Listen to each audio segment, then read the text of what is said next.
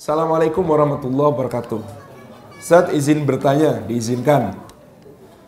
Jujur saya dulu pernah pacaran, tapi setelah pergi ke Jepang, Alhamdulillah ketemu teman-teman yang soleh dan berjamaah di masjid. Pikiran saya tentang pacaran sudah hilang, tapi kadang-kadang suka ada rindu ingin menghubungi si dia. Bagaimana caranya supaya bisa terus istiqomah buat singgelilah? Jazakallah khairan. Istilah zaman now ya. Singgelilah. Tambah mana? Masya Allah. Tentang KMI Hamamatsu. Oh sebaliknya ya. Ini tadi. Yang pertama, yakinlah bahwa kalau kita meninggalkan sesuatu karena Allah, Allah pasti akan mengganti untuk kita yang lebih baik daripada yang kita tinggalkan. Yakin, harus yakin pakai kof. Bahwa kalau kita meninggalkan sesuatu karena Allah, pasti Allah akan mengganti yang lebih baik untuk kita. Yakin ya?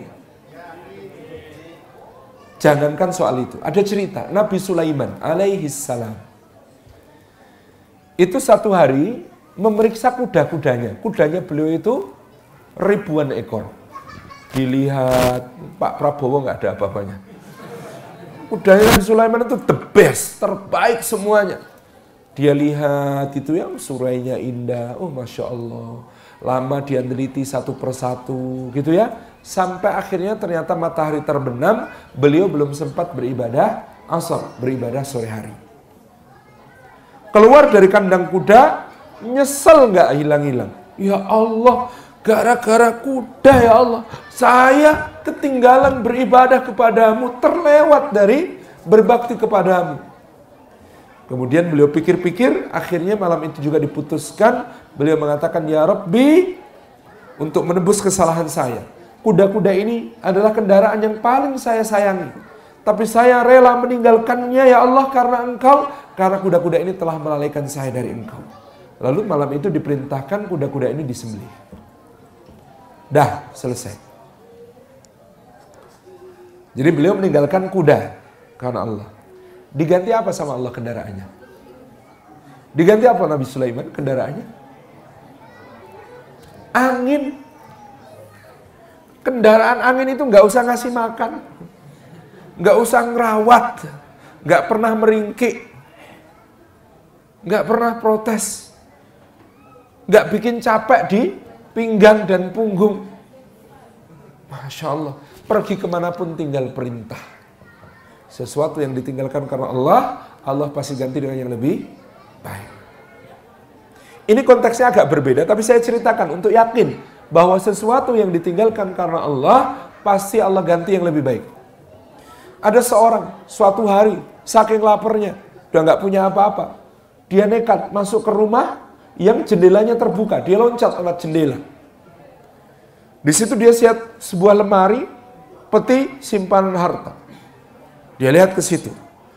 Dia buka, isinya emas banyak. Tapi masih takut-takut dia. Dia tutup lagi lemari itu, dia ngelirik ke belakang. Ketika ngelirik ke belakang, ternyata di situ ada sebuah ranjang yang sangat indah. Di atas ranjang itu berbaring makhluk yang juga sangat indah cantik jelita, posenya tahu sendiri posenya orang tidur. Tergoda laki-laki ini, sudah mendekat. Nanti hartanya ambil, sekarang ini dulu. Dia mendekat, begitu dia mendekat, tiba-tiba dek di dalam hatinya.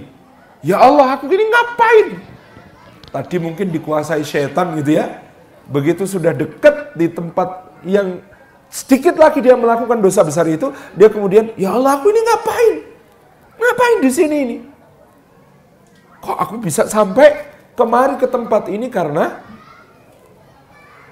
hawa nafsuku. Enggak, enggak, enggak, enggak, enggak boleh, enggak boleh. Segera dia balik, berjingkat-jingkat, loncat lagi lewat jendela, pulang.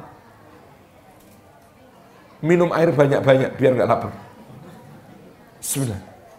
Pagi berikutnya sepupunya datang, putra pamannya Ibnu Amihi datang. Sepupu kata sepupunya ini. Bisa bantu saya enggak? Loh, Ada apa bantu sampean? Sampean mau nikah nggak? Yo mau, tapi siapa yang mau sama saya?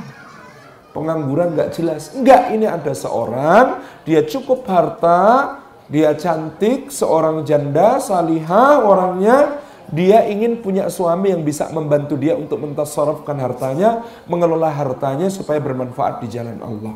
Kamu mau apa enggak? Yo mau, mosok enggak mau.